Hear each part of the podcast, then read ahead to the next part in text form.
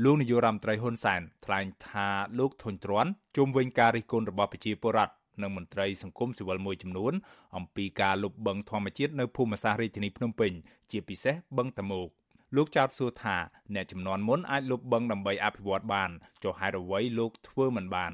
លោកបន្តថាលោកមិនខ្វល់ចំពោះការរិះគន់ទៅនេះទេហើយលោកនឹងបន្តកាត់ផ្ទៃបឹងតមោកបន្ថែមទៀតទៅឲ្យក្រុមហ៊ុនឯកជនដើម្បីធ្វើការអភិវឌ្ឍនៅក្នុងប្រទេសកម្ពុជា បើត្រូវការអភិវឌ្ឍវាត្រូវការលុបបើមិនលុបធ្វើមិនធ្វើមិនចាក់ដីធ្វើបានថាអ្នកដទៃគេអាចធ្វើបានចំណន់មុនធ្វើបានចំណន់ខ្ញុំធ្វើបានប្រទេសនានាគេបងមកសមុទ្របង្រីសមុទ្រយកដីដើម្បីអភិវឌ្ឍទៅហើយមិនក៏កម្ពុជាធ្វើនេះក៏ខុសធ្វើនោះក៏ខុសចំណែកនេះហើយយល់មើលគឺលុបបង្ធ្វើទីក្រុងអស់លីងហើយឯងមកជេរឯងចុះឡើងចុះឡើងជេរទេអើអ្នកជេរជេរទៅយើងធ្វើគឺធ្វើផ្ទៃបឹងតមុកមានទំហំជាង3000ហិកតាតាមអនុក្រឹត្យចុះថ្ងៃទី3ខែកុម្ភៈឆ្នាំ2016ក៏ប៉ុន្តែផ្ទៃបឹងនេះបានរួមតូចបន្តិចម្ដងបន្តិចម្ដងបន្ទាប់ពីរបបលោកហ៊ុនសែនបានសម្រេចកាត់ផ្ទៃបឹងនិងអនុញ្ញាតឲ្យចាក់ដីលុបអស់រាប់រយហិកតាក្រោមហេតុផលអភិវឌ្ឍ លោកហ៊ុនសែនប្រកាសថាលោកសោកស្ដាយដែលបានកំណត់ផ្ទៃបឹងធម្មជាតិនេះឲ្យធំទូលាយតាមការស្នើសុំរបស់មន្ត្រីជំនាញទំនងជាដោយសារហេតុផលនេះហើយទើបបរិះខ្លាំងរូបនេះបានសម្រេចកាត់ផ្ទៃបឹងតមោកជាបន្តបន្ទាប់ទៅឲ្យស្ថាប័នរដ្ឋក្រុមហ៊ុននិងបុគ្គលឯកជនដោយមិនខ្វល់ពីការស្នើសុំនិងការរិះគន់របស់សាធារណជននោះឡើយអ្នកការពីបរិស្ថាននិងមន្ត្រីសង្គមស៊ីវិលមួយចំនួនប្រតិកម្មយ៉ាងខ្លាំងចំពោះប្រសាសន៍របស់លោកហ៊ុនសែនបែបនេះ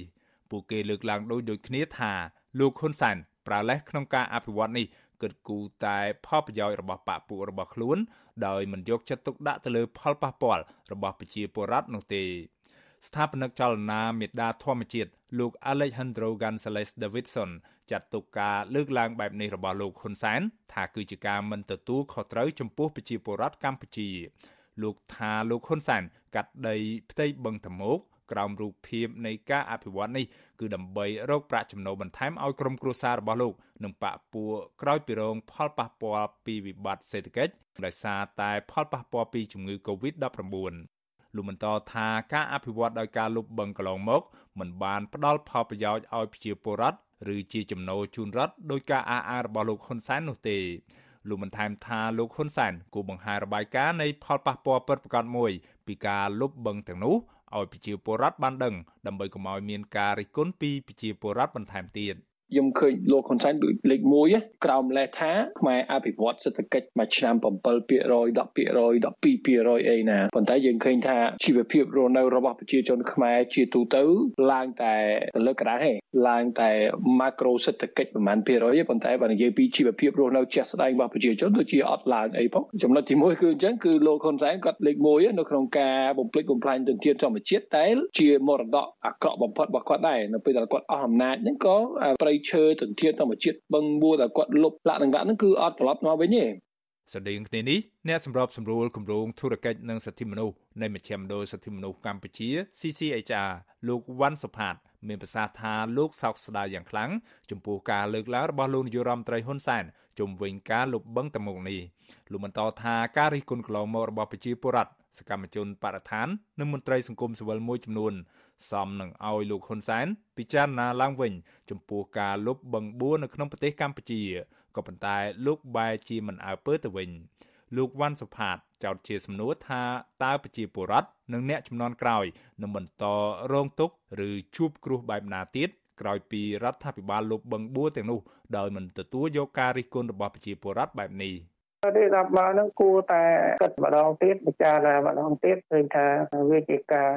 យកឈ្នះយកចាញ់ឬមួយក៏ជាការមិនស្ដាប់យោបល់ពីជាបរិបទរបៀបហ្នឹងគឺថាវាអត់បានរីកចម្រើនទេទេបាទឃើញបច្ចុប្បន្ននេះឃើញថាមានការសាងសង់អីផ្ទះល្វែងឃើញមានការសាងសង់អីប៉ុណ្ណាក៏ប៉ុន្តែគាត់ថាជួនកាលទៅមានតែដីដែលការសាងសង់នឹងឡើងនឹងអញ្ចឹងប៉ុន្តែជាបរិបទដែលរងផលប៉ះពាល់ហ្នឹងគឺថាគាត់ស្អូនតែរាល់ថ្ងៃអីអញ្ចឹងទៅយើងសម្លឹងឃើញថាកម្រិតរវាងនឹងអ្នកមាននិងអ្នកក្រហ្នឹងគឺថាវាឃ្លាតគ្នាខ្លាំងមែនទែនផ្ទៃបឹងតមោកច្រើនរយហិកតាទៀតកំពុងប្រឈមនឹងការលុបដោយសារតែរដ្ឋាភិបាលបានអនុញ្ញាតឲ្យសាងសង់គម្រោងផ្សេងៗរួមមានទាំងរដ្ឋនិងឯកជន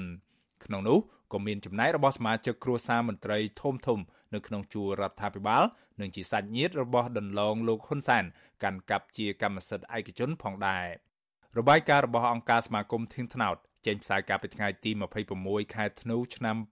2019បង្ហាញថាចាប់តាំងពីឆ្នាំ1990មករដ្ឋាភិបាលបានលុបបឹងធម្មជាតិនៅក្នុងរាជធានីភ្នំពេញអស់សរុបចំនួន16បឹងហើយចំណែកឯបឹងដែលនៅសេសសល់ចំនួន10ផ្សេងទៀតក៏កំពុងប្រឈមនឹងការចាក់ដីលុបដោយផ្នែកដោយផ្នែកជាបណ្ដាបណ្ដាខ្ញុំបាទមេរិតអាស៊ីស្រីរាយការណ៍ពីរដ្ឋធានី Washington